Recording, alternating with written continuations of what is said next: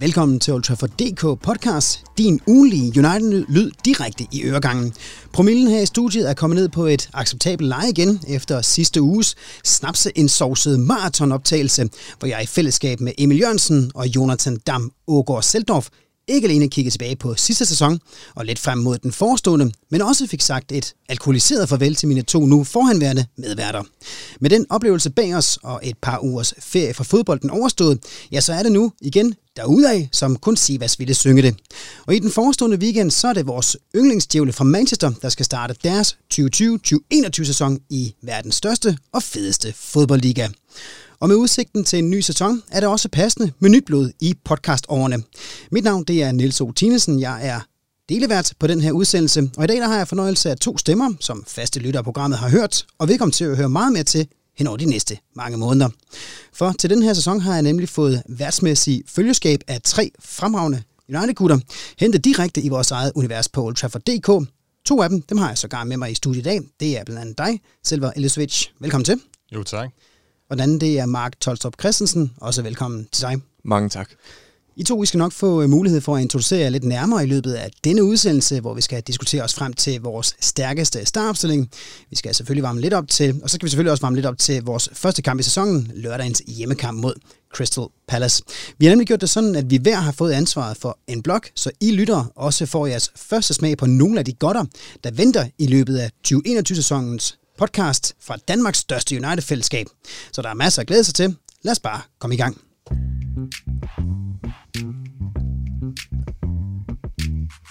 Og vi starter altså lige med at få sat lidt flere ord på de sprøde stemmer, som fremover skal være mine medværter på den her podcast, og som jeg altså håber, mange af jer vil lytte til også i den kommende sæson.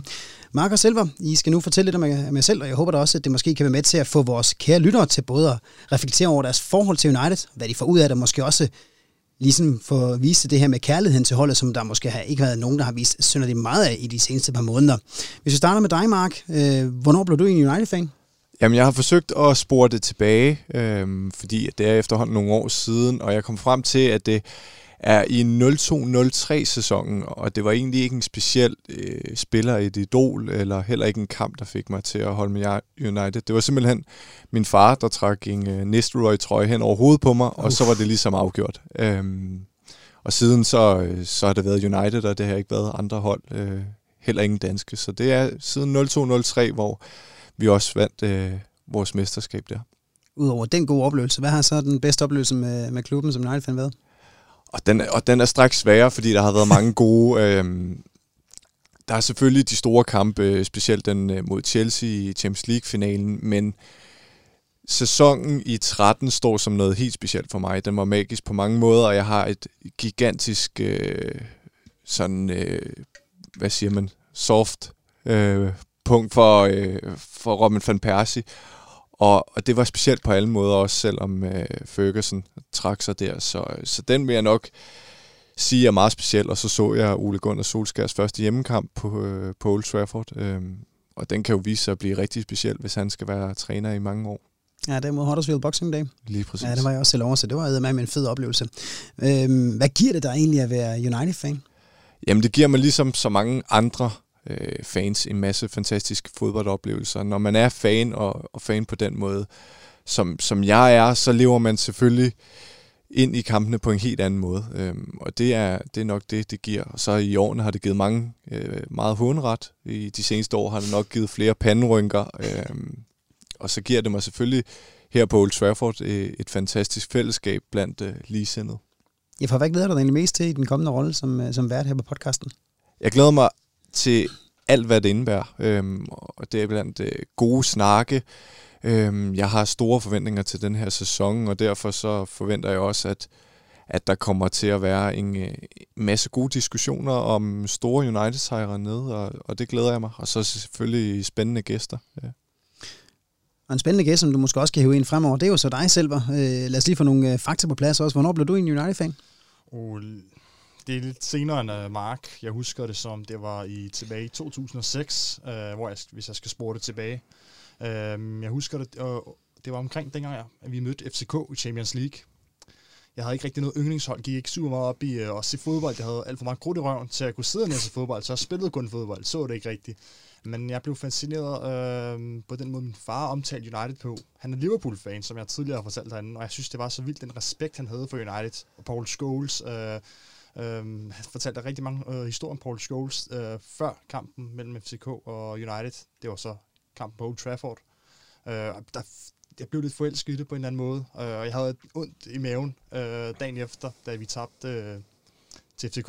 Øh, og jeg kunne næsten ikke sætte mig ind i klasselokalet, eller hvad. der vidste jeg godt, at det var, det var min første forelskelse. Øh, det var en fodboldklub. Det er også en af dem, der kan gøre allermest ondt i hjertet, man så roligt tillade sig at sige. Øh, Udover en masse gode oplevelser, når du har kunnet håne din far med sejr over Liverpool, hvad har så den bedste oplevelse været med klubben? Altså, ma- ikke meget anderledes end Mark. Altså, jeg husker triumfen i 08 rigtig godt, øh, hvor jeg gemte mig ind på mit værelse. Øh, efter forlængens spilletid, fordi jeg ikke måtte se mere i kampen, jeg skulle skole dagen efter. Det var dengang Champions League blev spillet på onsdag. Jeg sad og skruede ned og mutede kampen, øh, og sad bare hude for derinde, eller hude derinde for mig selv. Øh, og mine forældre hele tiden var inde og tjekke og tænkte, hvad er det, der, der larmer hele tiden noget derinde, og jeg var nødt til at gemme under dynen. Men altså for mig var det, er det nok det, det der bedste i min hukommelse, der er det helt klart den her triumf i 2013, Fergusons sidste sæson. Øh, en meget speciel sæson. Øh, også igen Robin van Persie, det er bare printet ind i, i hovedet på mig. Jeg har trøjen hængende op på væggen. Øh, den ternede trøje. Vi snakker om trøjer. Sidst jeg var hernede. Mm. Øhm, det er ikke den flotteste trøje komme ind på, men altså, det er en meget speciel trøje. Så den sæson har virkelig meget betydning for mig. Hvad giver det dig at gå rundt og sige, at du er United-fan? Før i tiden noget hunderet, som jeg også sagde, men ikke, ikke så meget mere. Men altså, det giver mig nogle øh, rutsjebaneture, øh, rutsjebaneture rent øh, følelsesmæssigt. Øh, det, gi- det giver mig et friluft, altså friluftsrum. Uh, man kan sætte sig ned og se nogle kampe. De sidste par år har det ikke været så godt, men ellers så har det er bare en helt særlig følelse at sætte sig ned og lukke ned på omverdenen. Ikke tænke på sine dagligdags problemer, kun tænke United. Altså, og så er der også noget, der fylder ind i hverdagen. Og det kommer nok ikke til at fylde mindre, kan jeg allerede nu fortælle dig, nu hvor du skal være vært her på den her podcast. Også hvad glæder du dig allermest til i den rolle? Jamen, jeg glæder mig til at um, til en ny udfordring. Jeg har ikke selv lavet podcast før. Øh, har været skribent her i et år. Øh, og har også lavet noget tidligere noget skriventarbejde, men ikke øh, pod, som podcastvært. Så det glæder mig rigtig meget til en ny udfordring. Øh, noget ny form for journalistik. Øh, og en masse spændende snakke med nogle øh, fede mennesker. Øh, interessante mennesker. Jeg elsker at snakke med mennesker. Øh, så jeg glæder, ser virkelig frem til at få nogle interessante gæster herned. Øh, som ja, kan dele det, det samme, som jeg også øh, har. Et, øh, et, et kæmpe kærlighed for United øh, og fodbold generelt.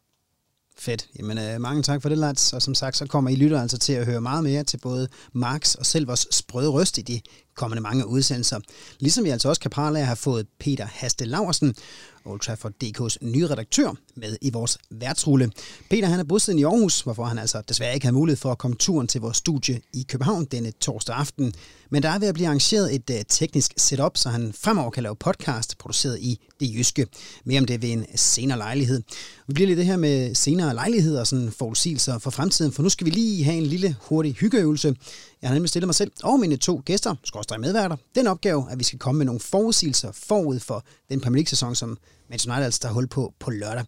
Og lad os starte med det vigtigste, og det som de fleste af os United-fans altså går øh, op i, og det er bud på top 6 og rækkefølgen. Og øh, skal vi, nu lød vi Mark komme til ord først. Sidste gang, så lader vi øh, selv starte her. Hvad, hvad siger du, top 6 bliver?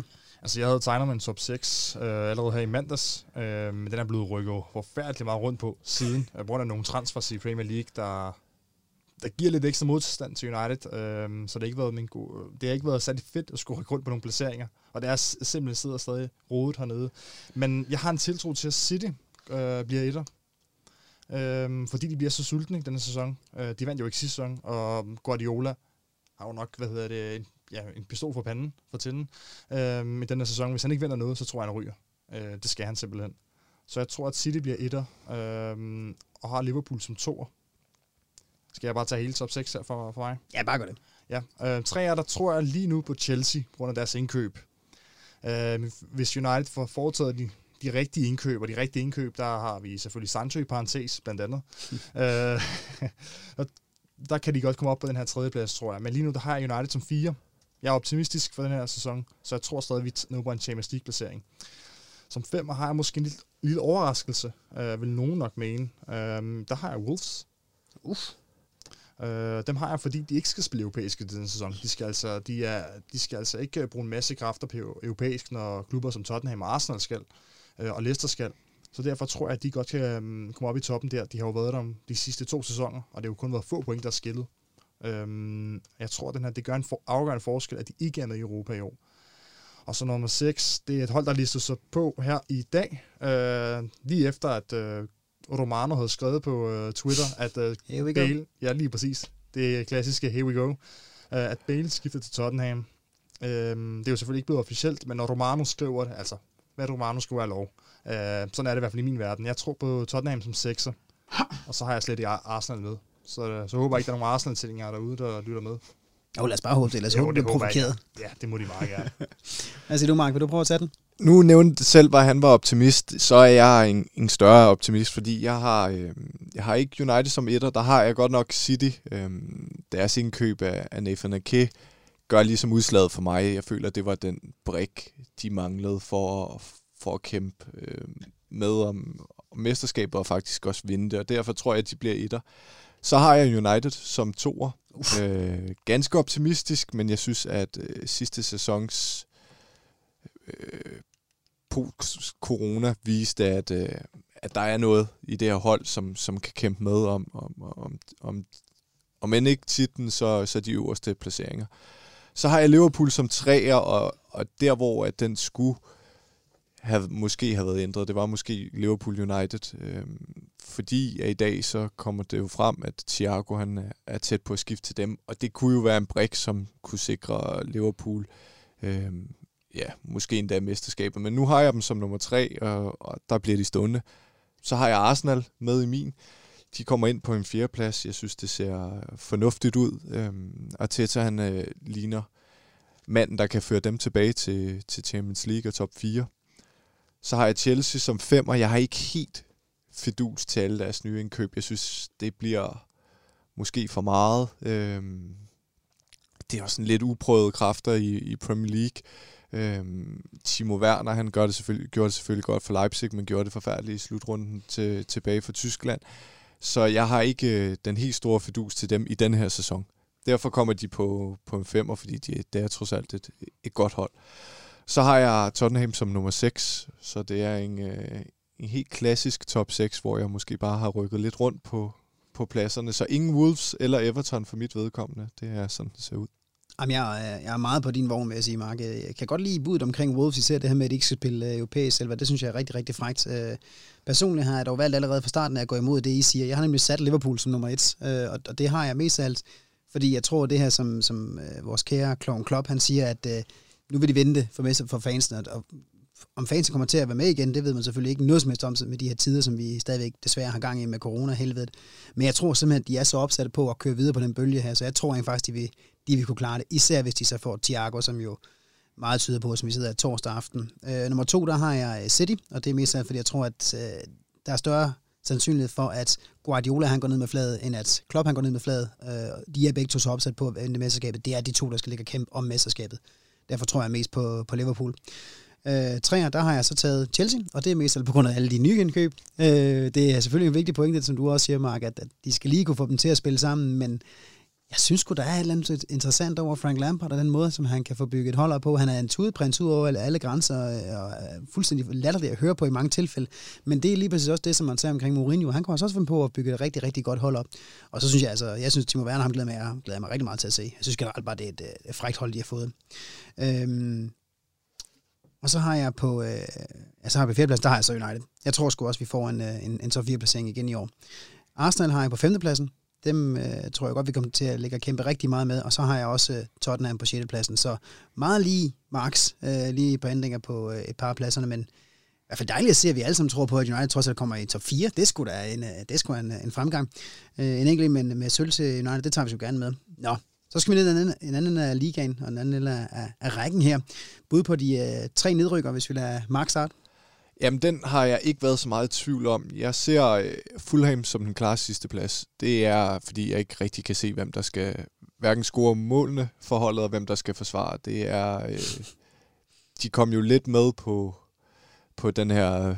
Ja, bade, badebillet er det jo ikke, men det er jo en playoff-sejr, og, og derfor så, øh, så ser jeg dem på ingen måde som, som ingen overlever i, i Premier League. Så de rører turen ned igen. Det samme gør West Bromwich. øhm, et hold, jeg heller ikke har, har særlig stor fidus til. Og så kommer lørdagens modstander i Crystal Palace. De tager den tredje plads ned, simpelthen på grund af, af, af alderen på det hold. Den, øh, det må snart øh, slippe op. Der er, der er ikke nok energi, og, øh, og, og jeg synes ikke, de har rigtig spillerne til at kunne, til at kunne klare den. Stærkt. Jeg, øh, jeg skal lige hurtigt tage min, fordi det, jeg er fuldstændig enig med de to første. Jeg har også Fulham og West Bromwich, og så har jeg West Ham, og det har mest alt, fordi at de har et vanvittigt hårdt startprogram her i, i ligaen, hvor de møder nærmest alle de store på én gang, og de kommer ikke særlig godt fra starts. og den måde, som led, klubben er ledet på, eller generelt bare er nu tilfreds omkring alt, hvad der foregår i West Ham nærmest, så tror jeg simpelthen, det er en klub, der er ved at implodere fuldstændig, så der tror også, at det bliver den tredje nedrykker.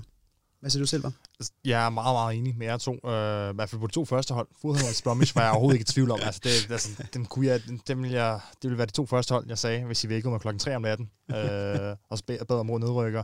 Det sidste hold var jeg virkelig, virkelig i tvivl om. Uh, det oplagte er jo at sige Leeds, fordi de også oprykker. Men dem tror jeg bare ikke, jeg har en fidus til Leeds.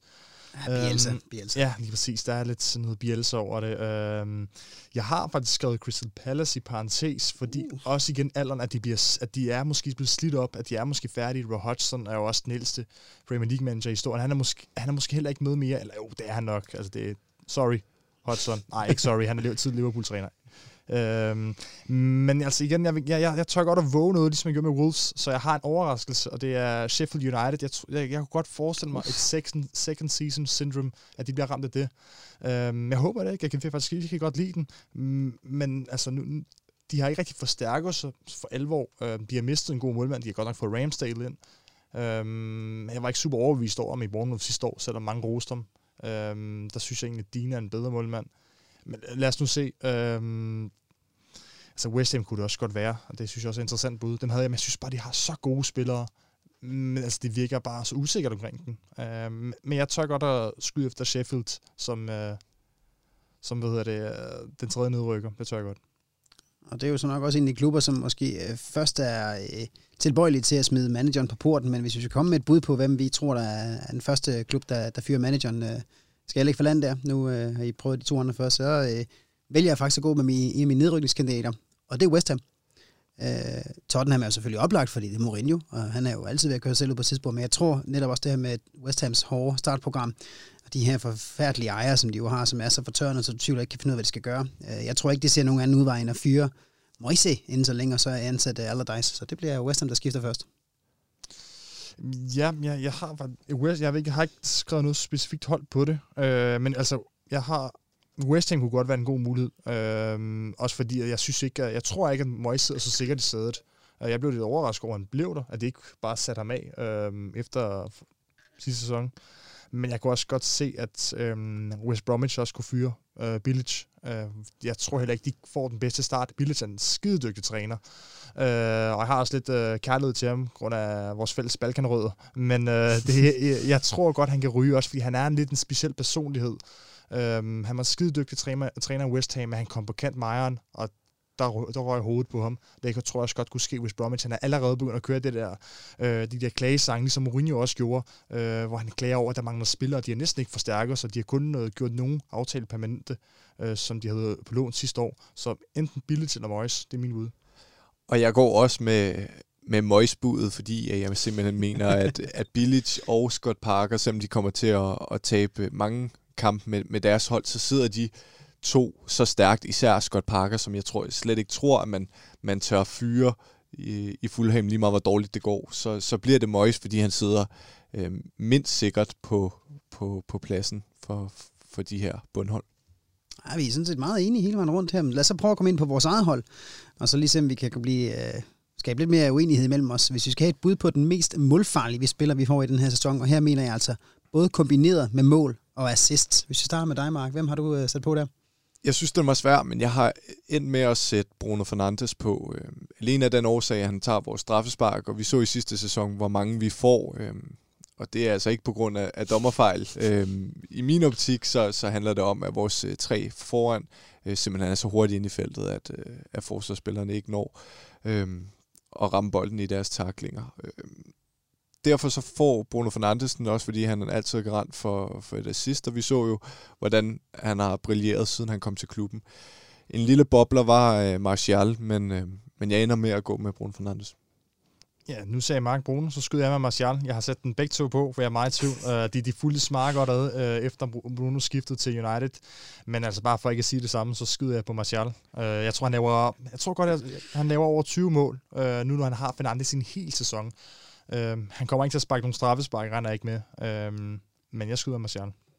Jamen, så kan jeg lige læse op, hvad jeg har lavet mine egne noter her. Rashford, mest af alt, fordi begge to nok siger Bruno. Øh, det var jeg næsten selv på ret i der. Øh, så lad os få et, spil på, et bud på den spiller hos United, som får flest Premier League-minutter i sæsonen. Hvad siger du øh, selv, hvad tror du? Harry Maguire, den var jeg ikke i tvivl om. Øhm, altså medmindre han skal ned og ruske trammer i Grækenland, øhm, så tror jeg på ham. Han, han spillede alle minutterne i Premier League, så det er bare et kort fra Harry Maguire. Der tror jeg så faktisk, at øh, Bruno han kommer til at spille flere minutter, og det tror jeg mest af fordi at øh, Maguire han kan ikke få så fantastisk en sæson igen. Det tror jeg simpelthen ikke på. Plus han måske også lige skal tage et break for at komme ned og sidde i et, øh, lille græsk hotel med, bag trammer. Så der tror jeg faktisk, det bliver Bruno. Jeg er enig med, med selv, hvor jeg har gået med, med Maguire, også uh. fordi at han er så, så hård før en, en gut, øhm, og han spiller, altså, han spiller bare hvis, selv, hvis han er skadet. Derudover så tror jeg også, han er udset til ligesom at, at lære nogle af de her unge forsvarsspillere op. Nu ser vi, at Solskjaer ikke er interesseret i at, at købe nogle, øh, nogen til forsvaret, men, men nærmere skib, sådan nogen som, som Smalling. Derfor tror jeg også, at sådan en, en mand som Tuan Sebe, han kommer til at få en, en central rolle i år, og det skal Maguire være med til at, at oplære ham i. Noget, som Maguire også kan lære folk, det er ikke at komme på, øh, eller komme i dommerens lille sorte bog, men vi skal jo nok have et par støtter, der kommer til at blive noteret for de ene eller anden ting. Men hvem tror I bliver vores øh, største bølle i den her sæson? Hvem får flest gule øh, kort og røde kort? Jeg har skrevet Nemanja Matic på min han kommer til at, at spille den, den centrale midtbane øh, altså i min ideelle opstilling, og derfor så, så er han jo på en udsat position. Han mangler også noget fart, og øh, han kommer til at trække nogle gule kort, det gør han. Jeg har, jeg har kigget lidt på statistikkerne for sidste år, og der, eller sidste sæson, der var Juan Bissaka den med flest gule kort, sjov lige efter. Um, så dem har jeg egentlig skrevet på. Jeg tror, det, jeg, jeg har Juan Bissaka på, øhm, som ham med, med flest gule kort, eller bare det største bølle, selvom han ikke viner, øh, er en svinsk spiller. Jeg har også en lille, øh, to joker på, kan jeg kalde den. Donny van de Beek, fordi han, øh, mm. han, han, er ny i Premier League. Mm. Han skal lige vende sig til det, og han, han har rusket sådan nogle gule kort til sig i den hollandske liga. Det er han vant til at gøre. Der er lidt flere kampe i Premier League, og et andet tempo. Øh, så det vil ikke undre mig, at han også får et par gule kort. Og så som den ekstreme joker, hvis den transfer kommer hjem, øh, og det er jo sådan en transfer, der er kommet op øh, lige omkring det her efter Sergio Reguilon, og som er interessant nu, Alex Telles, mm. øh, altså, han får, altså han, han samler bare på kort, ligesom Ramos. Jeg ved ikke, om vi får ham, og det er heller ikke, fordi jeg ved ikke, om jeg, altså, jeg håber, vi får ham, men hvis vi får ham, så tror jeg faktisk, at han, øh, at han er den spiller, som kommer til at rave flest kort til sig. Jeg synes, det er, jeg synes, det er frækt at give et bud på en spiller, vi ikke engang har hentet til klubben nu. Det synes jeg fandme er optimistisk. Det kan jeg meget godt lide. Jeg har personligt skrevet uh, Matches, ligesom uh, Mark har, fordi at han, jeg tror også, han får en masse spilletid, og han får rigtig travlt med at skulle rydde op, når vi har mistet bolden i offensiven, og der har han simpelthen bare ikke den samme fart mere. Så jeg tror, han kommer til at lave en rigtig masse uh, professional fredspark, som giver en, en masse, masse gule kort. Uh, om det kommer til at betyde noget for hans rolle på det er selvfølgelig så det, vi må se her over næste par måneders tid, men vi skal også lige slutte med at få et bud på årets hits og årets flop i Manchester United. Og øh, hvis jeg skal prøve at lægge for land der, så kan jeg sige det meget kort. Hittet, det bliver Bruno Fernandes. Han fortsætter bare den stil, som han stoppede sidste sæson med. Floppet, der tror jeg sgu på Fredge, for jeg tror, han bliver den helt store taber i den der midtbanekabale. Jamen, jeg har skrevet Martial på mit hit. Uh. Det gør han alene af den årsag, at vi ved, hvad Bruno Fernandes kommer til at give. Martial, han brød for alvor igennem sidste år, men jeg tror, han kommer til at få en endnu bedre sæson i, i den her lille bobler kunne være din Henderson. Øhm, og flop, det bliver Dan James. Det fortsætter hans, oh. hans nedtur, og, og jeg kan ikke se, uh, at han, han får, får oprejsning i United. Altså mit hit, øh, jeg, jeg synes også, som Mark, jeg er i samme båd som Mark, det er, at Bruno er for oplagt, øh, så ham har jeg ikke med. Jeg har Mason Greenwood med, øh, og ham tror jeg virkelig som hit, hvis vi ikke får Sancho, fordi så får han masser af spilletid. Han havde 10 mål i ligaen sidste sæson øh, for dem, og han havde ikke super mange øh, kampe fra start, mest efter corona. Hvis han får lov til at være fast mand, så kommer han der over 15 mål. Det er jeg helt sikker på. Altså hvis Sancho ikke bliver hentet til. Øh, så jeg tror, han ser ham som et kæmpe hit. Altså en spiller, en teenager med over 15 mål i Premier League på en sæson, det er et kæmpe hit. Altså det kan man ikke komme udenom. Og flop, der er lidt igen, øh, jeg, jeg er også lidt bange for, at øh, Fred han taber den her midtbaneduel eller den her kamp om midtbanepladserne. Så jeg har ham og Brandon Williams. Jeg synes virkelig, Brandon Williams øh, mm. skuffet efter coronapausen. Er han virkelig så god, som vi tror? Altså, jeg var helt vild med ham inden corona. Efter corona blev jeg virkelig i tvivl. Øh, så jeg har ham lidt som et flop. Jeg er lidt mange for, men også indser han, at måske han ikke er så god, som vi egentlig troede, eller han var. Det er meget corona. Ja. Desværre. desværre. Virkelig desværre. Altså, jeg håber virkelig, at han modbeviser mig. Også Fred, at uh, de lukker røven på mig, og jeg sidder her til sæsonoverslutningen og siger noget helt andet. Og det håber jeg, men det er ikke det, jeg tror. Jamen, så fik vi i hvert fald et bud på, øh, hvem vi tror ender i den øverste ende af tabellen, i den nederste ende af tabellen, hvem der bliver vores bedste spiller, måske i hvert fald set på det, der bidrager mest til årets hit og årets flop. Der er masser af forudsigelser for fremtiden. Noget, der er helt sikkert, det er, vi skal til noget nu, som helt sikkert ikke bliver et flop. Det bliver nemlig et hit. Det er nemlig Selvers første blok, helt for sig selv.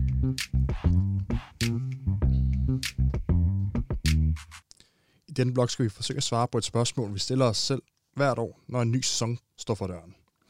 Hvert år giver svar på, på spørgsmål og en indikation om, hvorvidt vi kan forvente en sæson om, som mesterskabsspejler, eller om vi må forberede os på en sæson uden for de sjove civiliseringer. Med hjælp fra ja, mine to gode øh, kompetente medværter hernede, Niels og Mark, skal vi forsøge at give vores bud på, hvad vi ser som Ole Gunnar Solskjærs stærkeste startopstilling.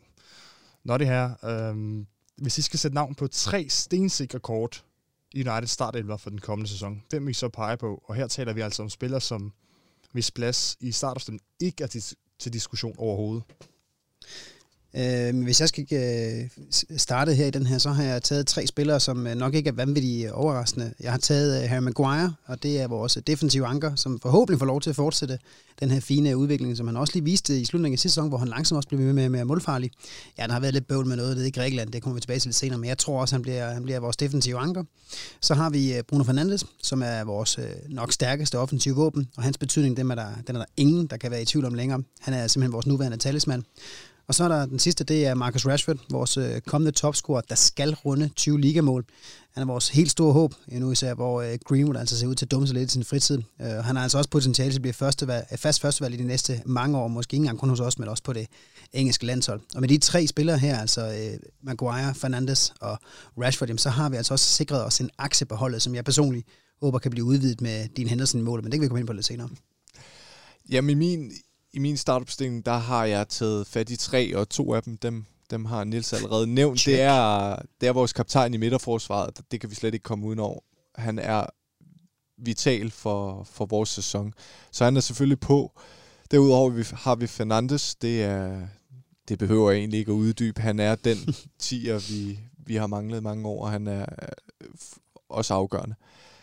Så har jeg taget Martial op foran i stedet for Rashford. Uh. Det er simpelthen fordi, vi så nogle svaghedstegn for Rashford, efter han kom tilbage fra sin skade. Der er mange, der mener, at han var bedre og satte sine medspillere bedre op, men faktum var, at han ikke scorede lige så mange mål. Det gjorde Martial til gengæld, og han blev, endte jo også med at blive vores, øh, vores øh, samlede topscorer sidste sæson. Derfor så er de tre på, på min. Jeg er meget, meget enig med de to første mere, øh, med Maguire og Bruno. Øh, Bruno. Altså, dem kunne jeg ikke rigtig, dem, dem var jeg stensikker på. Den tredje mand, altså, der er flere sikre kort, men altså, hvis man skal vælge en top 3, så har jeg faktisk øh, One Bissaka på. Altså, han var fastmand sidste sæson. Jeg har ikke, der er ikke nogen, der kan tro ham på den højre bakke lige nu. Øh, Diego Dalot virker jo helt væk. Øh, ikke, jeg kan godt lide ham som spiller, men han virker slet ikke tæt på holdet. Øh, man hører om, at Ethan Laird øh, er blevet jeg sige, øh, promoveret til førsteholdet. Mm, jeg tror ikke rigtig, han kan tro. Fernandes, han kan nok spille nogle kopkampene, men han kommer ikke, ikke undskyld Fernandes. Juan Bissaka, ingen Fernandes som højre bak, tak. uh, Juan Bissaka var den der højre bak, så han er mit sikre kort. Det har været ham, jeg tror på, er et sikre kort. Ja, altså i perioden mellem 24. juni og 13. juli stillede Solskjaer med de samme 11 spillere fem kampe i træk. Det var første gang siden 1993, at en United-manager havde gjort det spiller, spiller vi egentlig vores tid ved at diskutere den stærkeste startopstilling? Eller er der noget, som Solskjaer bør lytte ekstra godt efter, når han øh, inden Pallaskampen sætter sig ned og lytter til den her udsendelse, som vi laver i dag?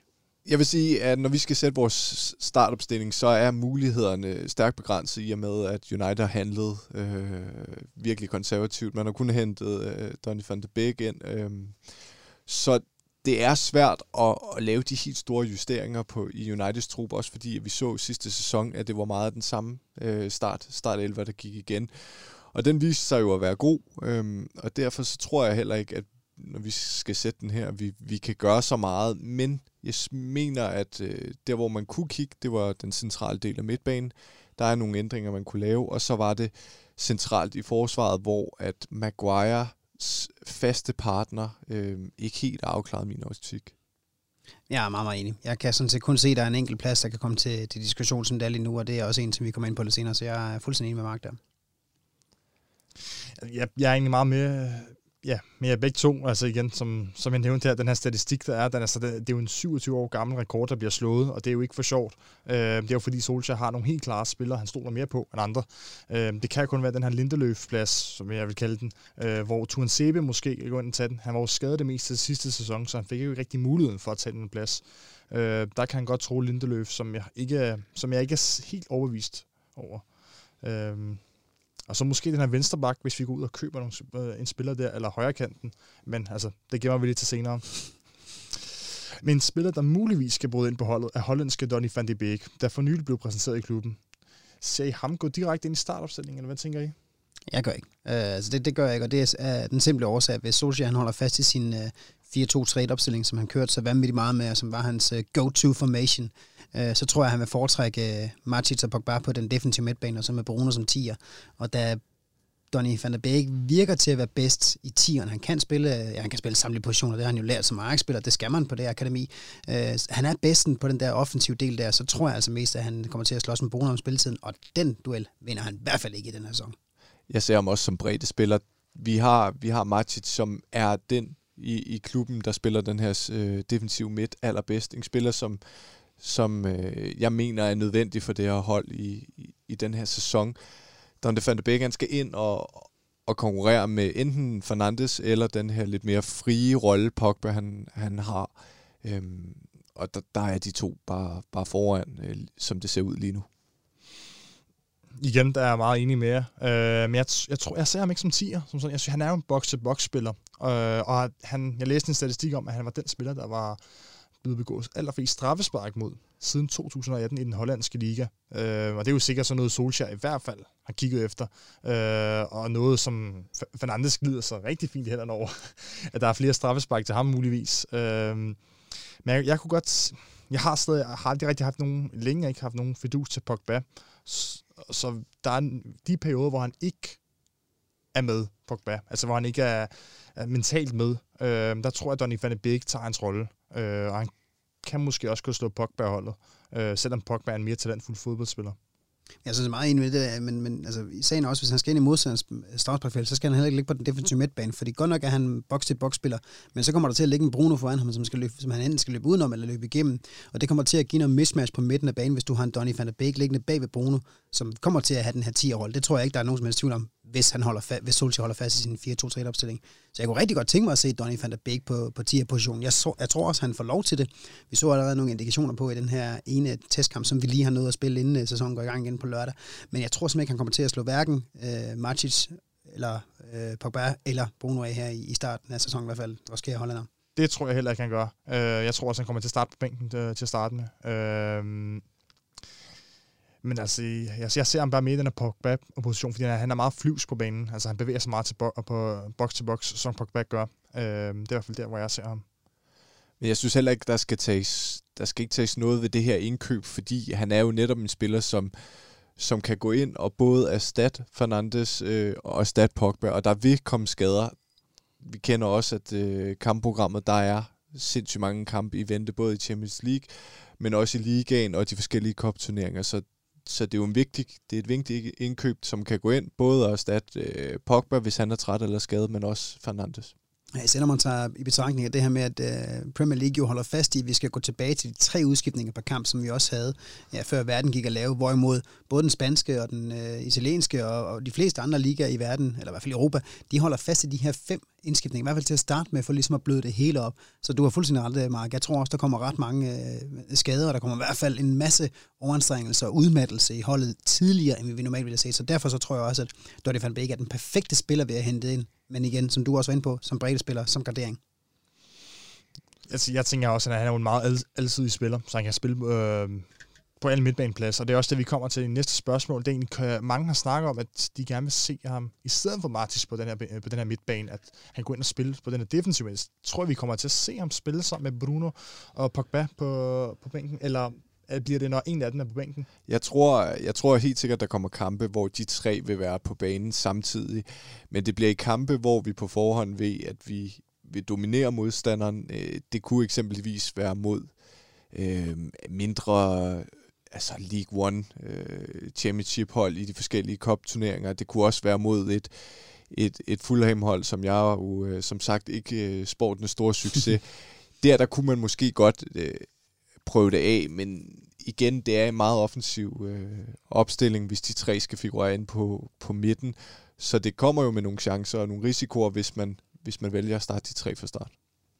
Jamen, jeg øh, kan jo ikke øh, være uenig med noget af det. Jeg tror, at øh, han kommer til at være, være bænkevarmer til at starte med, den kære øh, Donny van de Beek. Øh, men det, han kan komme ind og, og byde ind med til gengæld, det bliver altså også bare essentielt, og måske ja, ikke alene kampafgørelse, men sæsonafgørende i et niveau, som vi nærmest ikke har set siden Bruno han kom til klubben, fordi han kommer med noget helt nyt, og med mange af de dyder, som Solskjaer han virker til, han, han, han praktiserer rigtig meget med højt genpres og hurtige omstillinger, og en spiller, som kan begå sig på mange pladser og, og, og være intelligent, og det er især det med intelligensen, som, som mange snakker om, og også har set ham øh, udvise rigtig meget af vores kære uh, Donny van der Beek, så det, det, jeg tror, han bliver rigtig vigtig, men igen, kun som indskifter. Og nu skifter vi lige sporet væk fra Donny van de Beek og over på en mere engelsk rute. Øhm, Mason Greenwood har de seneste to uger trukket overskrifter i engelske medier. Desværre negative årsager. Først med et øh, islandsk damebesøg på landsholdstjeneste, og senest, hvor han er i en video, ses indtage lattergas. Hvordan skal Solskjaer håndtere det? Skal han bænke Greenwood øh, i nogle af de her kampe som straf, eller hvad tænker I? Jamen, hvis jeg skal lægge ud, så, så synes jeg egentlig, at han burde gøre det. Uh, han burde vise den her øh, kynisme og, og, og simpelthen bare bænke ham. Omvendt så har vi ingen højre kant, øh, som jeg ser som nogle, nogle gode alternativer på, på den position. Og så kan ind gå ind og, og score de mål, som Greenwood øh, gjorde sidste sæson. Mm. Der er James, og så er der Lingard. Øh, sidstnævnte fik masser af spilletid mod øh, Aston Villa i weekenden, så det kunne måske være være der, at, at øh, Solskjaer ser i de første kamp. Øh, Slutter sæsonen fantastisk af jo, ja, efter han var målfarlig. Med, med dejlig, en dejlig dåse der, så det kunne måske være, være der, han laver statementet og sætter Lingard ind som, som højrekant i, i de første kamp. Men, men jeg må nok indrømme, at jeg tvivler, øh, fordi vi vil også godt for land, og, og det tror jeg bedst, vi kommer med, med Greenwood fra start. Altså først og fremmest så øh, er det jo selvfølgelig ikke to heldige sager, og det er altså ikke noget, som, øh, som man som fan vil se ske for, vil se ske for en person, som altså har et ansvar for sådan en rollemodel. Han er godt nok kun 18 år, hvor sker Greenwood, men han er allerede nu et, et kæmpe rollemodel for så mange mennesker. Altså isoleret set, så er det ikke to vanvittigt slemme regelbrud. Altså det, som vores unge komet her kaster sig ud i. Altså, alle har I set nogle af de islandske piger? Altså, de er sgu risikoen værd, har jeg hørt. Jeg er selvfølgelig lykkelig gift, så den slags tænker jeg ikke på. uh, at han har indtaget uh, lattergas, eller i hvert fald set indtage lattergas, det er bare så idiotisk, som noget kan være. Altså, det er dumt nok i sig selv, men det er for dumt bare at indtage lattergas. Altså, hvad fanden er det nu i vejen med, med Guds egen grønne naturmedicin? Altså jeg ved ikke, om lattergas er på listen over forbudte prædikamenter, men det er simpelthen bare, det er så latterligt. at Det alene fortjener en straf, at man kaster sig ud i noget, som kan slå dig ihjel, altså og ødelægge hjernen ved bare det, ved, ved en enkelt indtagelse. Øh, det synes jeg skal være en bøde, der så skal gå til en eller anden form for velgørende formål. Om det skal være ham, der vælger det selv, om det skal være klubben, om det skal gå til en støttefond for ofre for øh, lattergas, eller en anden stil, men en bøde synes jeg vil være rigeligt. Jeg er meget, meget enig med det, øh, Nils. Øhm, jeg synes virkelig, at han burde... Øhm, eller jeg har det virkelig ambivalens øh, med den situation, for vi, vi vil gerne godt øh, komme godt for land. Men altså, han skal straffes. Altså, igen, man er 18 år. Han, øh, han, han skal nok lære det på et eller andet tidspunkt, men han skal straffes. Altså, han skal mærke konsekvensen af det her, han har gjort. Igen, det, det islandske damebesøg, det, det, det kunne jeg godt lige... Øh, Altså, det, det kan jeg godt forstå. Men uh, det, det taler vi ikke om. Det er i her coronatider, må jeg ikke sige sådan noget. Uh, men det med, latter, det, med, det med latter, altså, fuld, ja, det er fuldstændig hul i hovedet. Altså, det, og også virkelig uheldig, at han bliver taget i det, men altså virkelig hul i hovedet. Øhm, jeg har så godt et alternativ bud på højre kanten. Mark havde Lingard og James. Jeg gad godt at se uh, Brunos landsmand Dalot på den her højre kant. Han er bare så god offensiv, synes jeg. Han ikke har nogle gode sprøde indlæg med højre benet. Jeg synes, han mangler ligger det defensive, så jeg gad godt se ham på den højre kant. Han har i hvert fald god en af sine første kampe mod Young Boys i Champions League der for et par sæsoner siden, mm. hvor kære Diego Dalot. Det vil jeg godt give det ret i. Og det er fint nok, altså ja, ja han skal starte for Greenwood. Øh, jeg tror, han er blevet det allerede nu. Altså, noget af det, som United også er kendt for, det er også at tage hånd omkring de spillere, som kommer ud i nogle problemer, både på og uden for banen. Og det synes jeg også, de har været gode til nu. De har ikke rigtig taget så meget afstand til mig. De har med garanti Altså, der har, han har haft folk i, i røret fra klubben af, tror jeg, lige så snart der har været rygt omkring det her er sket. Og så har de bare taget hånd om det. Og vi skal stadig også huske på, at altså, hans udskejelse, det står altså ikke til mål for, for sådan en offentlig henrettelse, som nogen gør det til. Altså, det er ikke fordi, han har udtrykt sig racistisk. Han har ikke uh, bidt en modstander. Han har ikke uh, spyttet på en modstander, som bare én enkelt spiller, vi kender, har gjort alle tre ting. Han har ikke snydt i skat. Han har ikke været voldelig over for kvinder eller noget som helst. Altså, han har hyggesnakket med et par sikkert charmerende islandske skønjomfruer, og så har han bare lidt på den helt forkerte form for flaske. Altså, man skal lige huske at sætte det hele relief, inden man gør ham til den værste gode i hele fodboldverdenen. Men ja, han skal have en straf han har.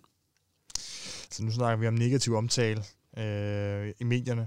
Hvad med sådan som Harry Maguire? Altså, vi snakker, vi havde ham lidt før, hvad vi talte om, han, han skal nok få en masse, masse minutter, og vi ser ham som øh, et sikkert kort. Mm, men han var også altså, den første mand på holdkortet sidste sæson. Nærmest, altså han spillede alle minutter. Den mest faste mand. Øh, men vil I sige, at han er blevet mindre urørlig nu efter hans episode i Grækenland, hvor han er anklaget for blandt andet grov vold og bestikkelse? Jeg vil sige, modsat Greenwood, der er blevet fanget på, på kamera i, i, i begge sager, så lige den her sag, der kender vi ikke den endelige dom. Øhm, det, er også, det er også derfor lidt svært, synes jeg, at, at straffe Maguire allerede nu, også fra klubbens side af.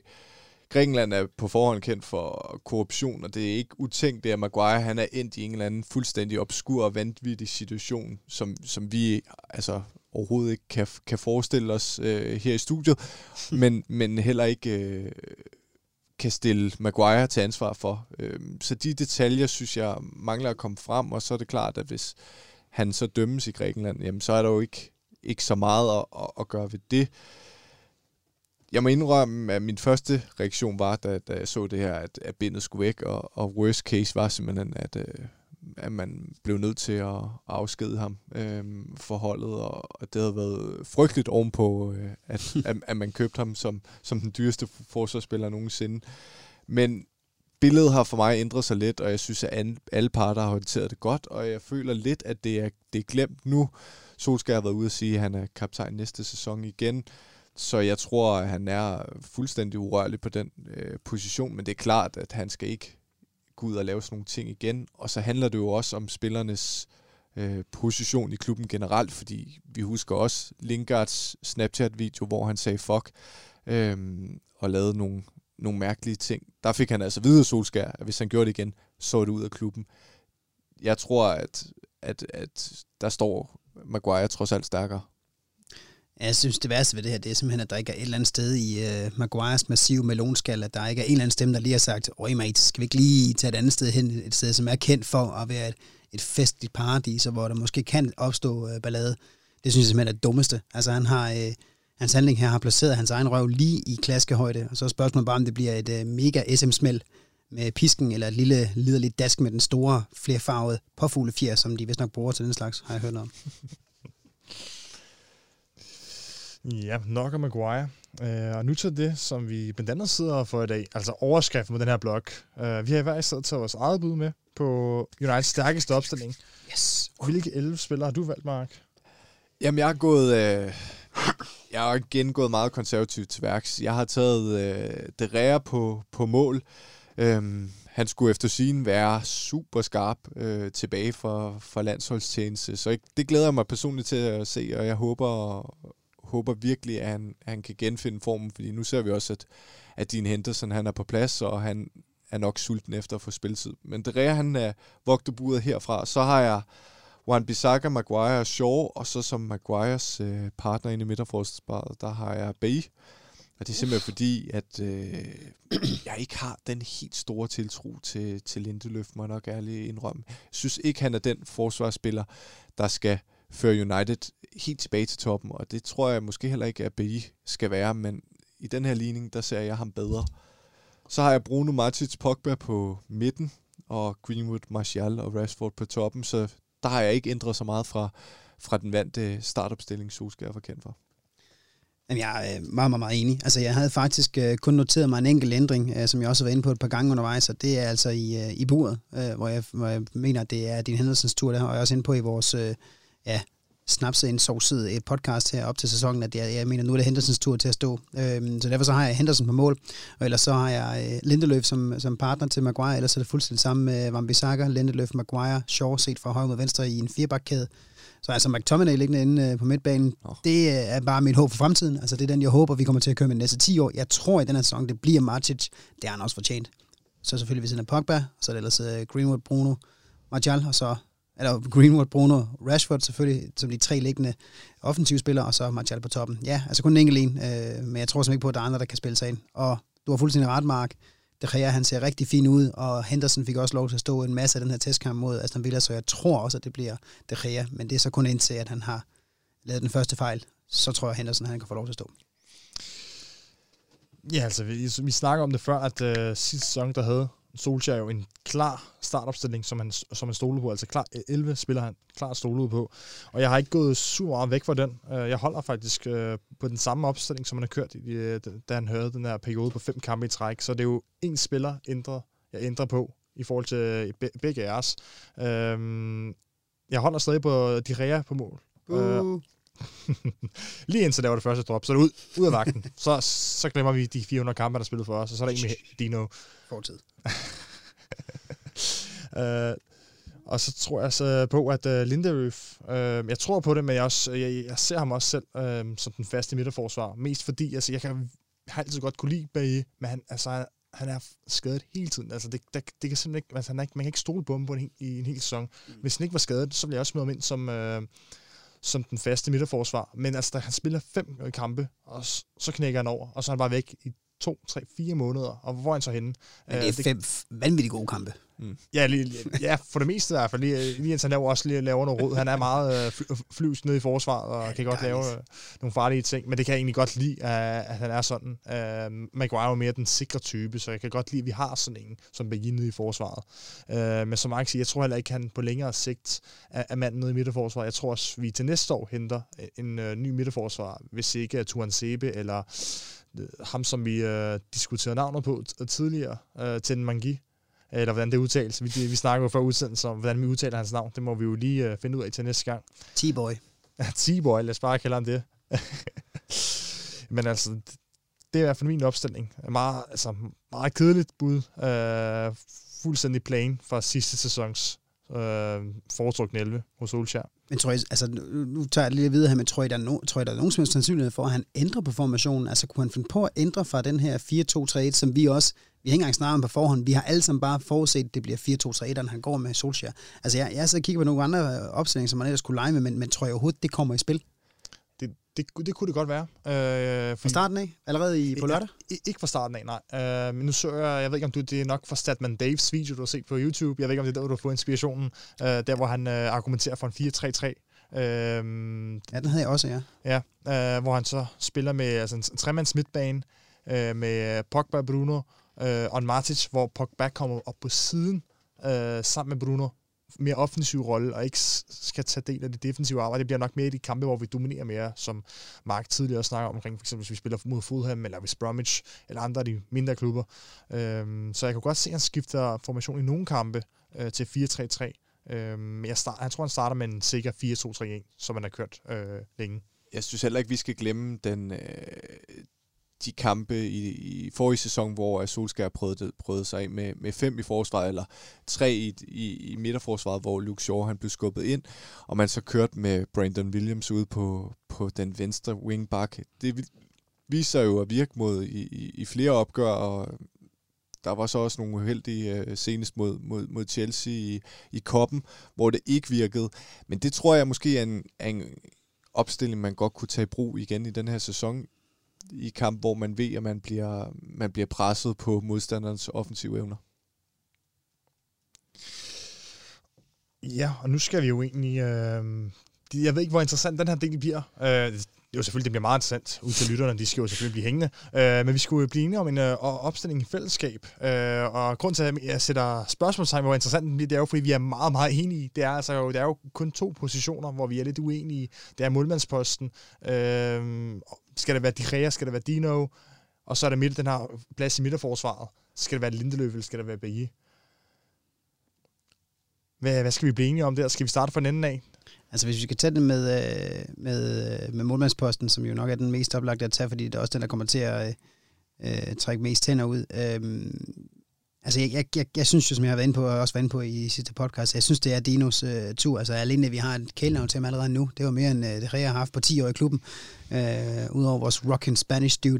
Øh, så synes jeg, det, altså det, det er hans tur. Jeg synes, han har gjort alt, hvad han skulle. Jeg synes, det ville være fantastisk at se, hvad han vil kunne bidrage med i, til, til, til det. Altså taktisk også, fordi han har nogle andre aspekter i sit spil, end det Rea har. Alene det, han kan snakke engelsk, synes jeg er helt øh, afgørende. Men altså, jeg vil da også hurtigt give mig, at nu sidder vi jo øh, tre hernede, og, og to af dem siger, Øh, siger David De Gea. Så jeg vælger bare at sige, at det, det bliver David De Gea, der starter på lørdag mod, uh, mod Crystal Palace. Og når han så dropper, og det var et når, ikke et vis, så er det Dinos tur.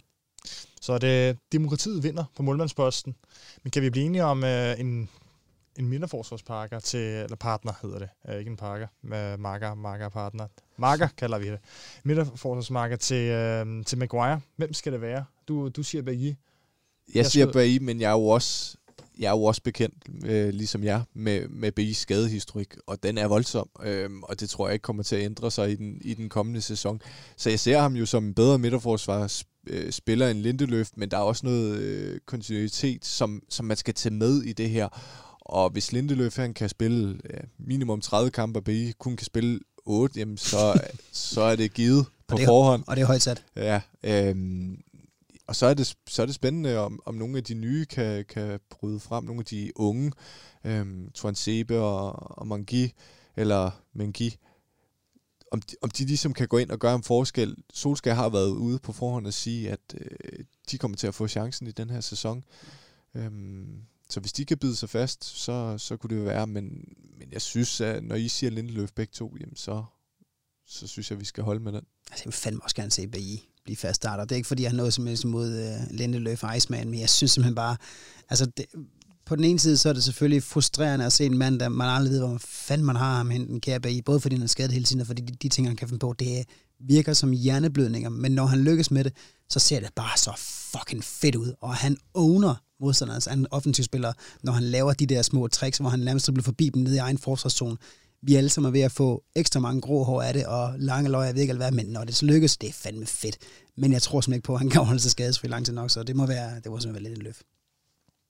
Jeg mener nogle gange, så vinder demokratiet. Og jeg ved ikke, om uh. det, er, det er, fordi jeg har bloggen, at de giver, at ja, mit, min foretrukne start, eller vinder. Det, det, skal vi også lige have med. Det var min, der vandt. Nej. Øh, ja, nok om den der for startopstilling. Mm. Altså, vi kan jo ikke snakke om foretrukne startopstilling, stærke startopstilling, når vi er midt i silly season, uden at komme ind på potentielle forstærkninger til Solskjaer startelver. Hvis vi nu, øh, hvis vi nu øh, rykker over til dig, øh, Mark, øh, hvis du skulle tage, øh, hvis du skulle være realist, hvem tror du så kan forstærke United startopstilling, inden transfervinduet smækker i den 5. oktober? Eller ikke kan, hvem United, ja, hvem United kan forstærke sig med? Altså rent realistisk set. Jamen, jeg vil, jeg vil sige, at uh, de kan forstærke sig med en helt del spillere, realistisk set, men om de kommer til at hente nogle af de spillere, det, det tror jeg ikke. Øhm, derfor så, tror, så ser jeg ingen øh, realistiske transfers, som, som det ser ud nu. Jeg håber stadig på, øh, på Sancho selvfølgelig, som nok alle andre United-fans også gør, men det virker bare så langt væk, at vi skal gå ud og give 120 millioner pund for en, for en højre kant i, i Dortmund med den her situation, når vi har Thiago, som lige er gået for ja, det er helt ned til 25 millioner pund til, til Bayern, og den har man som øh, nævnt øh, i, af flere eks, eksperter og, og transferguruer ikke valgt at byde ind på hos United. Så hvis, hvis vi er dernede, så tror jeg heller ikke, man er, man er villig til at give 120 millioner for en, for en højre kant. Så nævnte du tidligere Alex Telles ude på venstrebakken. Øhm, ham har jeg også lidt, øhm, og det er fordi, at Luke Shaw, han notorisk også har, ligesom Bay, nogle perioder, hvor han er skadet i løbet af en sæson, og der mener jeg ikke, at Brandon Williams er, er god nok til at udfylde den øh, plads hen over en sæson, hvor jeg tror og håber på, at vi skal kæmpe med om de øvrige pladser. Så der skal være en god gardering, og det kunne måske være Alex Telles, der går ind der. Så har jeg sendt en fidus til Declan Rice. Jeg tror ikke i det her transfervindue, han er blevet rygtet til United, men kun Chelsea. Men jeg mener, at som det ser ud nu, så er McTominay ikke bedst på den position, hvor Matic han øh, opererer. Og der mangler vi simpelthen en, en stærk defensiv midt, og her tror jeg, at Declan Rice han kunne løse opgaven bedre, end McTominay ville kunne gå ind og gøre. Og så er han tilmeldt øh, Britte, så, så det er jo et plus, øh, også for Solskær. Niels, hvis, vi nu, øh, hvis du nu tager en tår af den her idealistvand, som står lige ved siden af dig, hvem kunne du så tænke dig, at øh, Woodward åbner punkten for og henter til United? Altså, jeg lige håbe på, at det var snaps, vi skulle have igen, men okay, vi nøjes med lidt øh, idealistvand. Altså, det, det vildeste, der overhovedet kunne lade sig gøre, øh, og det, altså, det er også bare øh, så far fetch, men nu skal, vi, nu skal vi lege lidt her. Det var, hvis vi fik overtalt øh, Alfonso Davis fra Bayern München til at komme til. Hold kæft, en voldsom vensterbak, og voldsom venstre side generelt, vi vil få. Altså, det vil, altså, hvis vi får ham, fuck nærmest alle andre uh, nye spillere de næste to-tre år, altså, det vil være helt fantastisk. Ham får vi så ikke, vi skal være også være lidt øh, realistiske. Jeg har stadigvæk ikke noget imod, at vi, vi prøver at gå efter øh, Sergio Reguilon, også på øh, Reguilon, undskyld, på, på venstre bakpladsen. Øh, det ser ud som om, den er lukket med Spurs, der har meldt sig i kampen, og de virker altså villige til at indføre den her tilbagekøbsklausul i, i Spaniens kontrakt, som vi åbenbart, altså som, som United åbenbart ikke, ikke ser nogen grund til at gøre. Øh, hvorfor, det, det skal jeg ikke kunne sige noget til. Altså det, det, det, det synes jeg er, er meget mærkeligt. Øh, men det er også måske en diskussion, som vi kan tage nu her, fordi ja, vi, vi ved også i vores egen lille Old Trafford.dk, pod, eh, ikke podcast, sorry, vores egen lille tråd på Messenger, der har vi også kørt den her diskussion frem og tilbage, men altså, lad os, lad os prøve at få, øh, hvis vi nu lige skal, øh, vi, gør, vi, vender, vi vender lidt tilbage til den, vi vender lidt tilbage til den, så jeg tager lige det sidste, vi har her. Øhm, hvis vi kigger lidt længere frem, så har jeg kun lige to mere, som jeg ønsker mig, øh, eller som jeg ved, vi kommer til at hente. Den ene, det er Ansu Fati.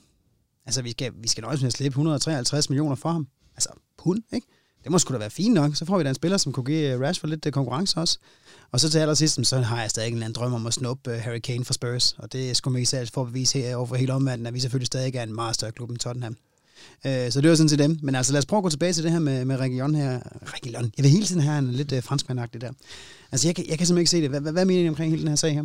Jeg er, jeg er personligt øh, meget, meget glad for, at vi takkede nej til den her klausul.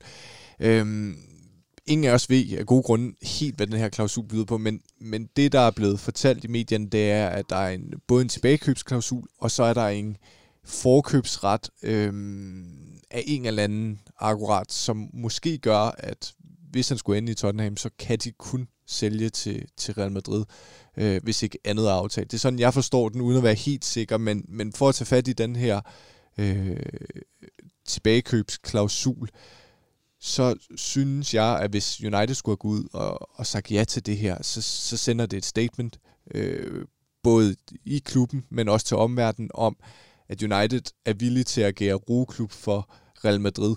Så fremt at øh, Øh, Marci, eller Marcelo i, i Real Madrid, han løber tør for, for kræfter, jamen så kan man så hente øh, Region tilbage og, og, og forstærke sig defensivt efter United har, har fået ham til at, at blomstre endnu mere, end han gjorde i, i Sevilla. Så på den måde, så synes jeg, det er et, et helt fint signal at sige nej tak til den her deal. Øhm, og så synes jeg bare, det viser alt om Tottenham, at, at de så er villige til det omvendt. Altså, jeg, jeg, du har fuldstændig ret. Det, det er selvfølgelig rigtigt nok, at vi, skal, at vi skal gå ind og vise, at det er ikke noget, vi, vi gider arbejde med, men altså, som du også var på, vi kender ikke alle de her detaljer i sagen, og det, så vidt som jeg er orienteret, så de vil have lov til, Real Madrid vil have lov til at købe ham tilbage for et beløb, som skal være større end det, som vi i første omgang skal give for ham. Øh, altså det, og det er et beløb, som de to klubber så vil indtale, Manchester United og Real Madrid.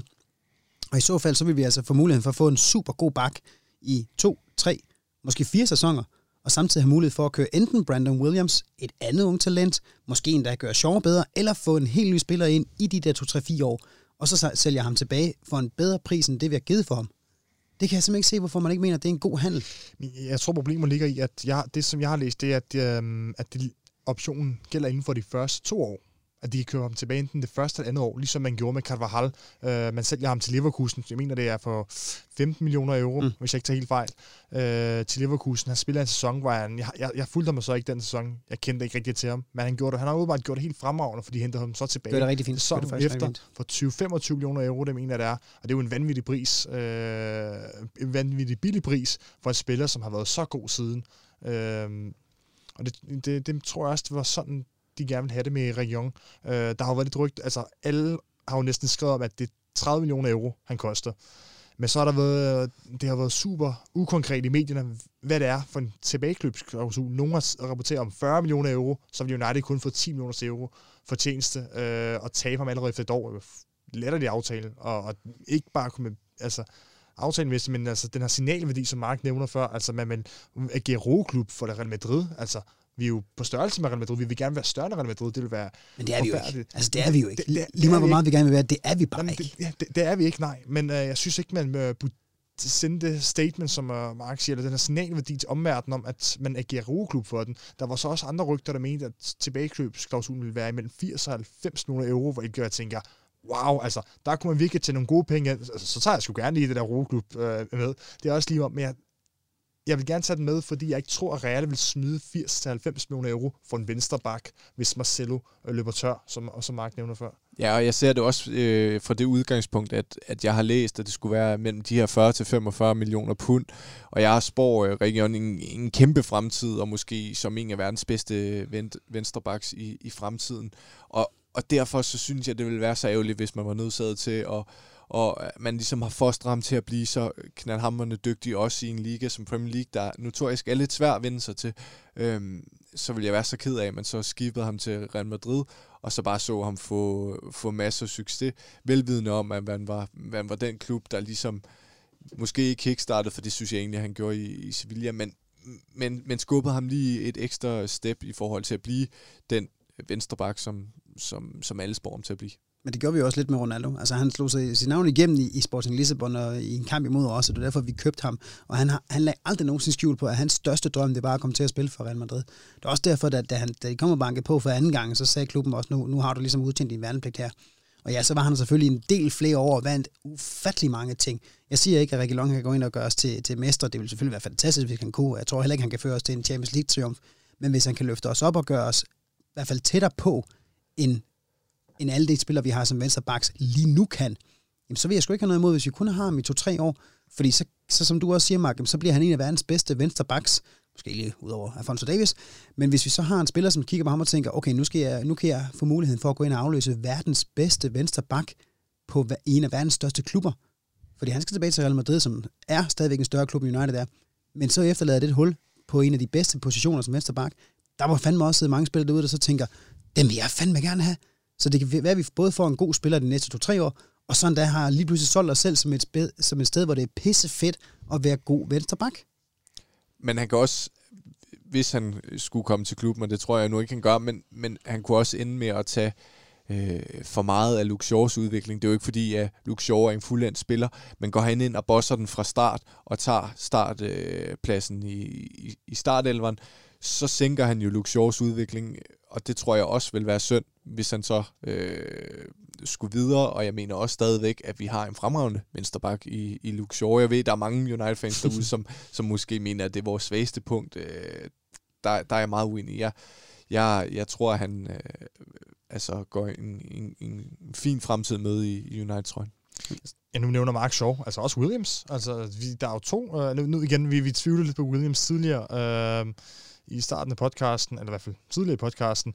Øh, men altså, lad, lad os nu se, hvor, hvor god han egentlig er. Jeg vil virkelig gerne have Young til klubben, hvis man, kunne få, hvis man kunne undgå den her tilbagekøbsklausul, men det tror jeg bare ikke på nu. Jeg tror, at øh, Romano har allerede skrevet here we go på Twitter, og så er den lukket. I, i, i, hoved, I mit hoved er den lukket, øh, og der fældede jeg lige en tårer, øh, da, da læste beskeden. Der var jeg ret ked, lidt ked af over det.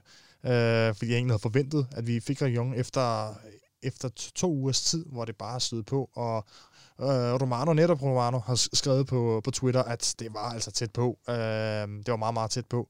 Men det var hvis bare den her klausul, der har blokeret for transferen, må man sige. Så jeg, jeg har sgu ikke noget måde, hvis vi henter spillere til klubben på, på kort sigt. Vi har, vi har gjort det en del gange før med Henke, med Ibrahimovic, og altså, da vi hentede uh, Robin van Persie, hvis vi også, det var ikke for fem år, vi hentede ham til klubben. Han skulle til klubben med et formål, det var at vinde mesterskabet tilbage, inden han lige ville stoppe sin karriere. Det gjorde han også. Vi har gjort det masser af gange før. Jeg vil ikke have noget som problem med at gøre det igen her, også selvom det, måske, altså, det, det, det har heller ikke undgået at have haft nogen effekt på andre spillere at vi hentede for eksempel en Zlatan Ibrahimovic, at vi hentede en, en Henke dengang, som bare var på en lejeaftale for et halvt års tid. Altså, vi har gjort det før, jeg vil ikke have noget imod det. Og det må også være derfor, at Tottenham gør det, fordi at de har nogle øh, enorme udgifter i forhold til det her stadion. Corona påvirker, og de skal have nogle resultater nu for at få øh, penge i kassen. Og det, øh, det må de så gøre på, på denne her måde, og det samme sker jo, hvis de henter Bale. Så, øh, så får man jo to hurtige garderinger, men ikke på, på lang sigt. Jamen, 100% enig, så, som Mark siger, de er heller ikke super gode på, på vensterbak. Davis, og så har de, øh, hvad er det, de nu har på vensterbak ellers, øh, ikke rigtig andre optioner, så tænker jeg, det er et super, super øh, godt køb af Tottenham, øh, og så er de også bare, nu snakker vi om, hvem der var størst, United eller Real. Real er også i min optik større end United, men United er jo også væsentligt større end Tottenham, altså, al respekt til Tottenham, vi er større, altså, det, det, vil, det kan slet ikke diskuteres. Så Tottenham er på et niveau også lavere end Real Madrid, og derfor også kan tage den her øh, aftale med bedre samvittighed, end man som United kan. Så øh, ingen har så faktisk snakket om Sancho i den her hverken realistiske eller idealistiske. Har vi helt droppet ham? Jeg fik, jeg fik nævnt ham i, i, i min, men, øh, men, men, men ikke realistisk. Ikke realistisk. Ikke det, det 120 millioner. 120 millioner. Okay, vi dropper ham, og så henter vi uh, Reguilon i par år, og så henter vi Harry Kane for at vise, at de fandme ikke er større end os, de spørgsvin. Aftale.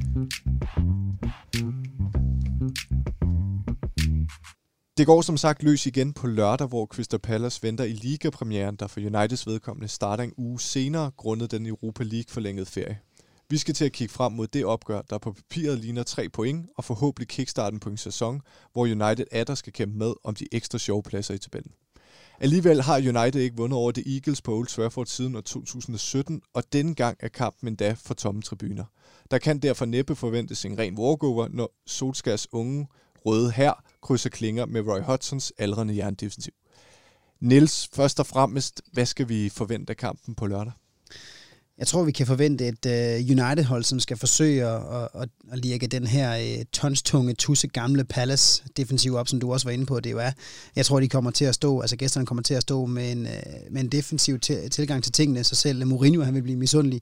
Uh, jeg tror, det bliver spillet omkring uh, Crystal Palaces felt en masse tid, og så skal vi... Uh, vi skal forsøge at sætte os på kampen fra start. Det vil vi nok også gøre lige meget hvad, at vi vil komme bulrende ud af startblokken. Og så skal vi simpelthen bare have bedre styr på, de, på deres omstillinger, end vi, vi tidligere har haft. Og så, så, så de har jo vist sig at være dødsensfarlige. Så det tror jeg simpelthen bliver uh, one-way traffic, 80-20 i boldbesiddelse, og så skal vi bare se, om vi ikke kan få dirket den der defensiv op. Er du enig i, i den betragtning selv, hvor Crystal Palace kommer til at stå helt dybt, og dermed lære United tage overtaget på kampen? Ja, det er. Altså, jeg tror, det kommer til at ligne den kamp, vi havde sidste sæson mod den, hvor vi godt nok tabte 2-1. Øh, jeg, ikke, jeg tror, at vi taber 2-1 den her gang, men der var vi jo også, øh, der havde de jo næsten ingen boldbesiddelse. De, øh, de havde næsten kun to chancer, den scorede de på. Øh, vi, vi dominerede den kamp øh, fra første fløjt dag, og alligevel øh, formår vi ikke at score no, kun et mål, formår vi at score. Jeg tror, det er det samme kampbillede, vi får. Øh, jeg tror bare, vi, vi, er et bedre hold, eller vi er et bedre hold, end vi var dengang. Øh, fordi nu har vi Bruno, vi har fået Donny van de Beek at skyde med, så jeg tror helt sikkert, at øh, at vi kommer til at klare os bedre, øh, end vi gjorde der. Øh, jeg er lidt bange for i, for, øh, i forhold til den her intensitetsniveauet, øh, fordi vi er, så, vi er ikke i kampform. Øh, det er det, jeg kan frygte. Øh, så jeg, kan, jeg ser ikke nogen walk-over for mig i hvert fald. Helt sikkert ikke. Nej, og, og man kan også sige, nu er jeg inde på det før, at øh, den, den forlængede ferie, den, den giver jo ligesom United en, en uge senere opstart end Crystal Palace, som allerede var i aktion i sidste uge, hvor det blev til en 1-0 sejr over Southampton.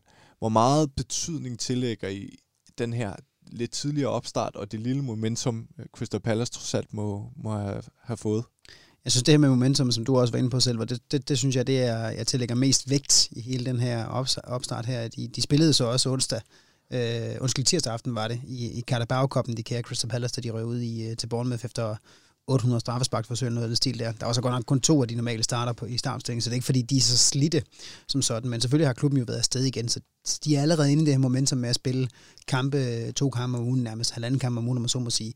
Og det er klart det, der kommer til at tælle mest til deres, øh, til deres fordel, men selvfølgelig er det også rart for dem, at de kommer fra land øh, med, med, en sejr. Øh, især så vi snakker, hvordan de sluttede jo sidste sæson, det var jo altså, helt til rotterne. Du sad vi snakker om tidligere, at det var underligt, at Moyes ikke blev fyret. Det var eddermame også underligt, at Hodgson ikke blev fyret, for det var eddermame ringe, det, det ved øhm, Så derfor så tror jeg, at det, det meste her med, at de rent faktisk har været i gang. De har lige været inde og mærke græsset igen i Premier League-niveau, og intensiteten, som du er inde på selv, det, det kommer til at være afgørende. Desværre måske.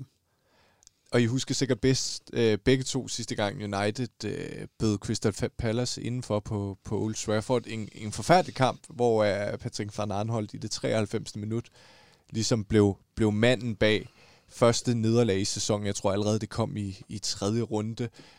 Hvor meget betyder det for Uniteds samlede sæson, at, at vi kommer godt for land i den her kamp på lørdag, og vi går ud og, og, og tager øh, tre point?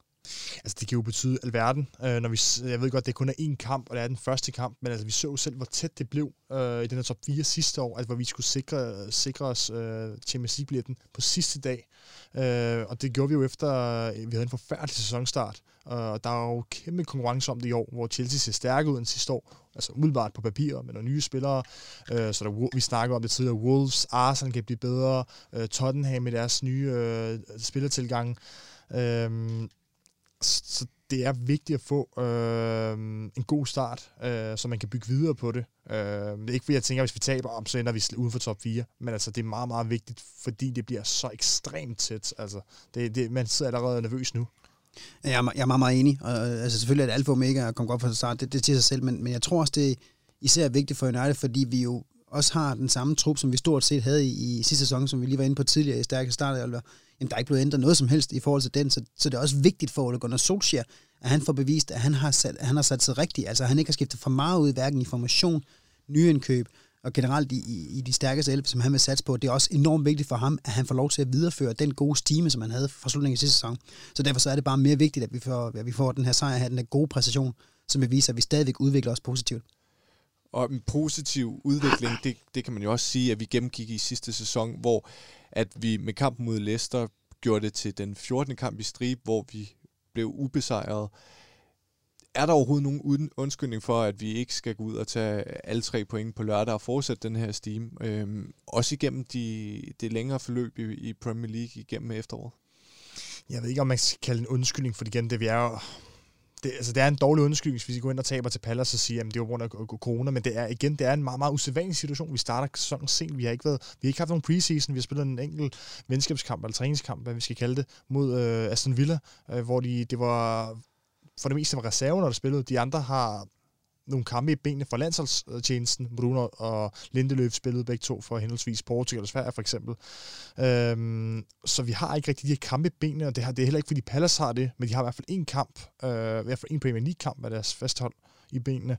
Øh, så det er en usædvanlig, usædvanlig situation. Øh, så, ja, ja, altså man har en lidt bedre undskyldning, hvis man taber, men altså, igen, altså vi kører hele tiden det, men vi er United. Der skal ikke være nogen undskyldninger det, vi skal slå Palace. Vi snakker om, om dem som nedrykningskandidat. Færdig bum. Altså, det skal vi virkelig. Ja, jeg ser også kun den eneste øh, undskyldning, om man så må sige, for hvis vi ikke vinder, det er, hvis vi kommer til at, eller ikke kommer til, det er, hvis Ole Gunnar Solskjaer, han ændrer enten i formationen eller i startopstillingen. Så der kommer lidt furore i de her aftaler, som de jo ser ud til at have fået implementeret, så, så dybt under huden på sig selv, de her mange, mange faste starter her. Så det er kun, hvis der kommer en, en ændring i startopstillingen. Øh, og det kan jo også ske i en skade lige op til kampstart, det har vi desværre også set før. Øh, men udover det, så er der simpelthen så stor kvalitetsforskel på de to hold, og de 11 spillere øh, over for hinanden, at, øh, at, at forskellen er simpelthen for stor i øjne, så vi skal vinde.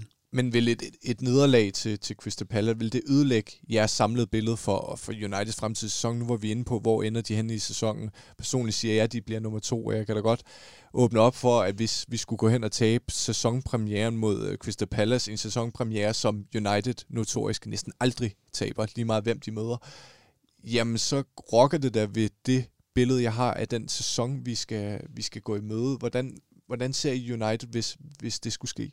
Jamen der, øh, det er korrekt, og det er især fordi, det, det er det her faktum omkring, at vi nærmest altid vinder. Altså, vi, de kunne lige så godt bare sætte tre point på vores konto fra, fra starten af, og så behøver vi ikke spille den kamp, for det er næsten lige hvem fanden vi møder. Nu møder vi for det meste også nogle små hold, uh, Swansea, uh, Bournemouth, for sådan nogle små hold som Chelsea sidste sæson, og sådan nogle, de der nemme kampe der, det, det, vi får altid en blød start. Og det gør vi også igen i år, forhåbentlig med Crystal Palace-kampen. Ikke? så det gør bare, at vi skal få, komme, komme, komme perfekt fra, fra land og fra start og ud af startblokkerne bullerne simpelthen.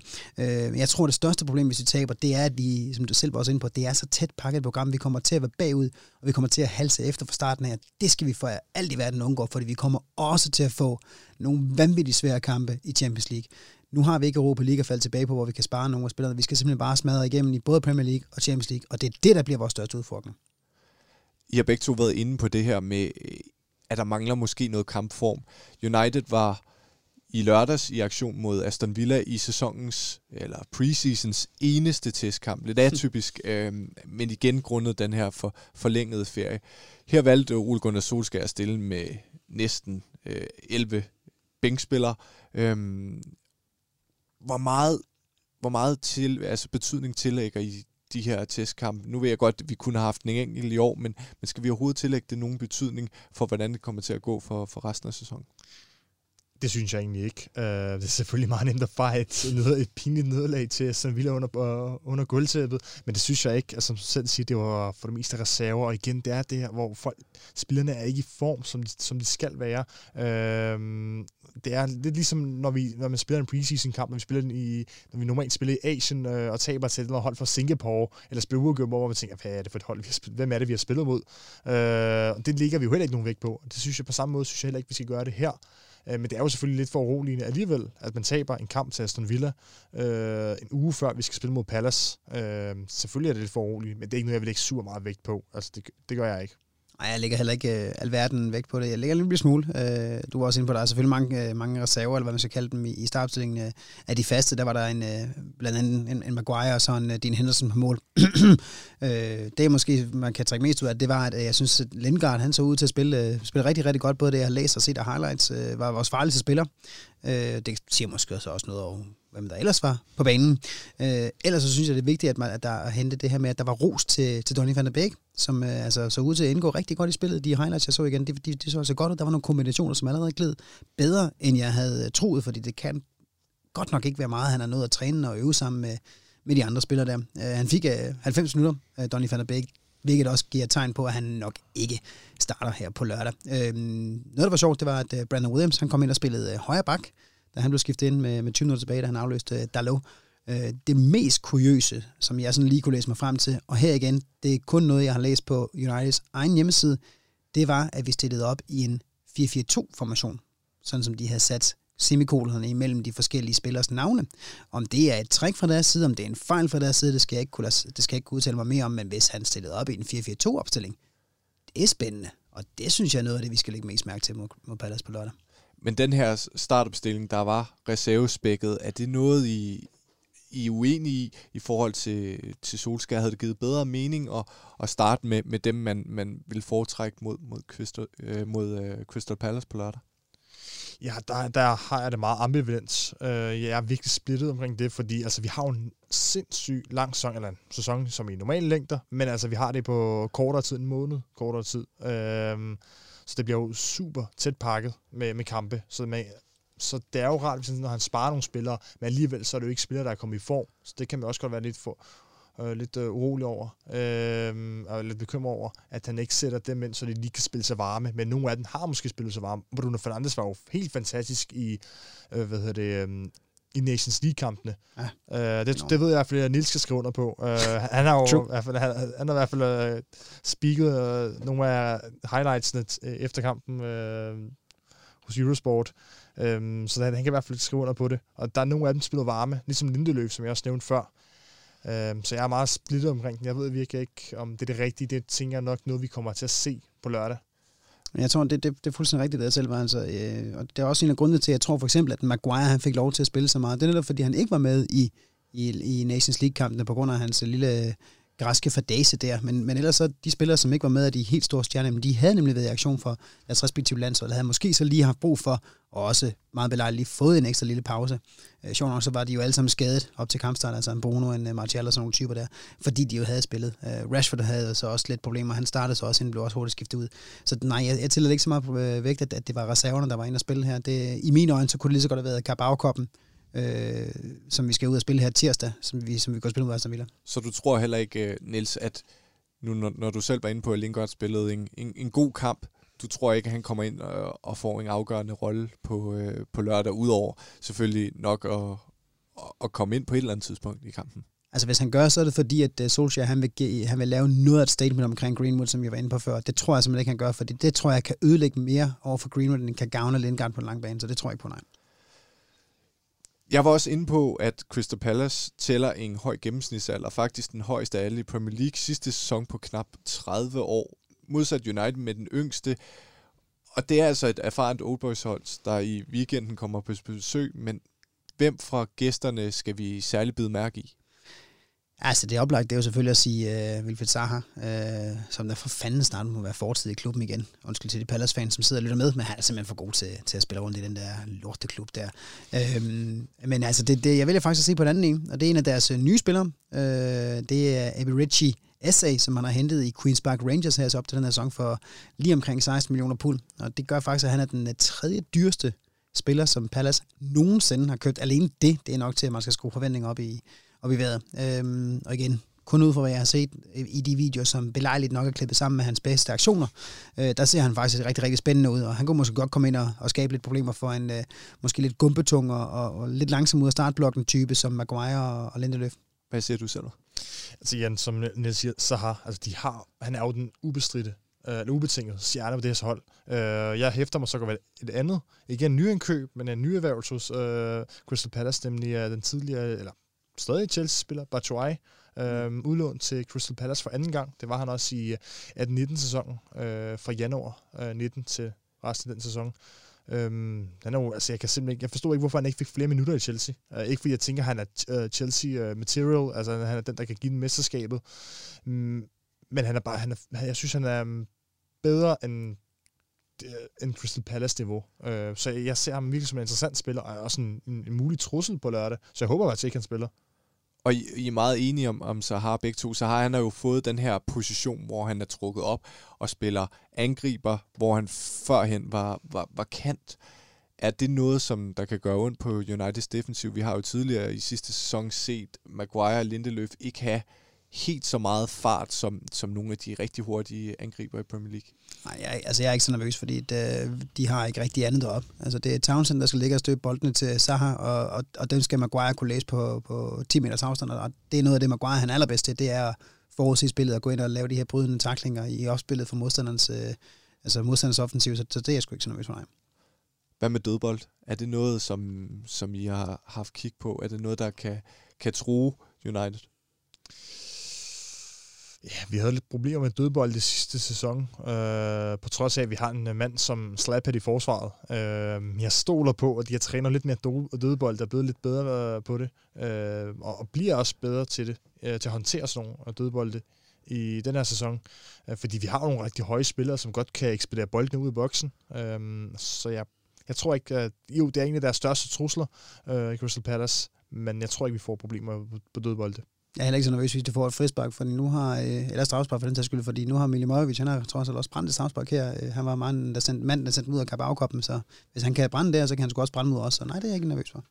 Så Zaha, det er, det er altså ham, vi skal holde øje med. Hvad med, hvis vi kigger på, på United? Hvem glæder I til at se i, i aktion? Hvem glæder I mest til at se?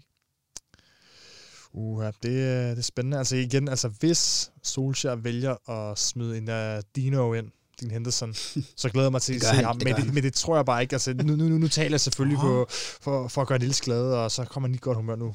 Nu jeg det lige for ham.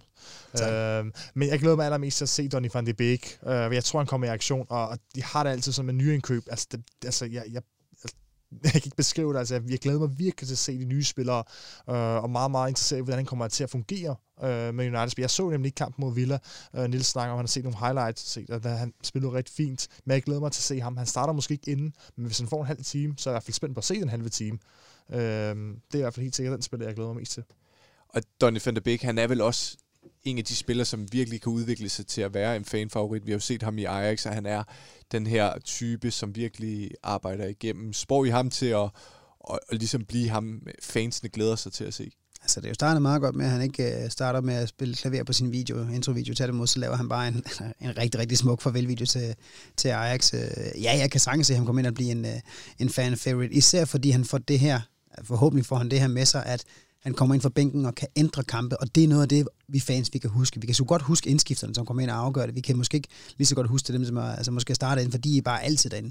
Så er det dem her, der træder ind med noget helt nyt, noget helt frisk, noget helt ungt, som det jo nærmest også er. Så ja, han kan godt gå ind og blive en fan favorite, det håber jeg også, for så bliver han en succes. Og vi husker jo også Dan James, der kom ind og scorede i sin debut, og hvilket moment det var godt nok med fans på, til, øh, på, øh, på lægterne, og det betyder jo selvfølgelig noget også i forhold til den her jubel, men det var i hvert fald helt specielt øh, for mit vedkommende. Nu er I begge to enige om, at vi simpelthen skal tage sejren på lørdag, det, øh, det gør jeg gerne med til. Hvis I skal give et bud på kampens resultat og første målscore, skal vi så starte med dig, Silver? Jamen, som jeg sagde før, jeg tror ikke på en walkover, selvom jeg ikke ser øh, Palace som et særligt super stærkt hold. Øh, de er allerede spillere, som vi kunne bjerge. Vi har været inde på det. Øh, men jeg ser bare ikke en walkover, fordi vi ikke er i form.